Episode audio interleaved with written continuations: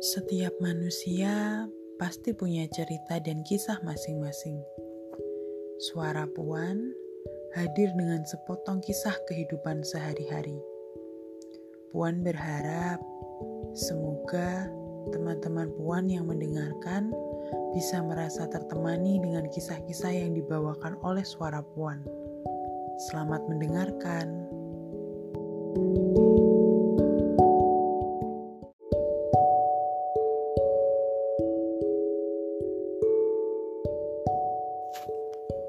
Sebuah kapal tahu waktu yang tepat untuk melaut. Malam hari, ia berlayar bersama deru angin darat yang mengantarkannya melaut. Ia terombang-ambing oleh riak ombak yang jinak. Bahkan sesekali garang hampir menerjang. Tapi kapal tahu bagaimana ia harus bertindak menghadapi apa yang terjadi. Meski terkadang ada kapal yang melawan hingga hancur berantakan. Sebuah kapal tahu waktu yang tepat untuk berlabuh. Pagi hari, sebelum surya menyapa di ufuk timur, ia kembali. Ia berlabuh setelah semalam bertaruh.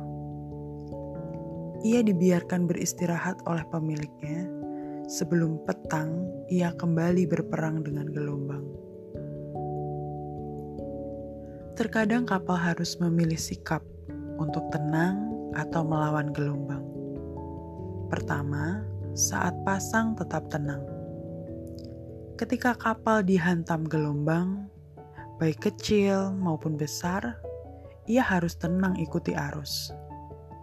Kapal harus menyiasati ketika ombak mulai tenang, ia harus melawan arus untuk kembali menepi.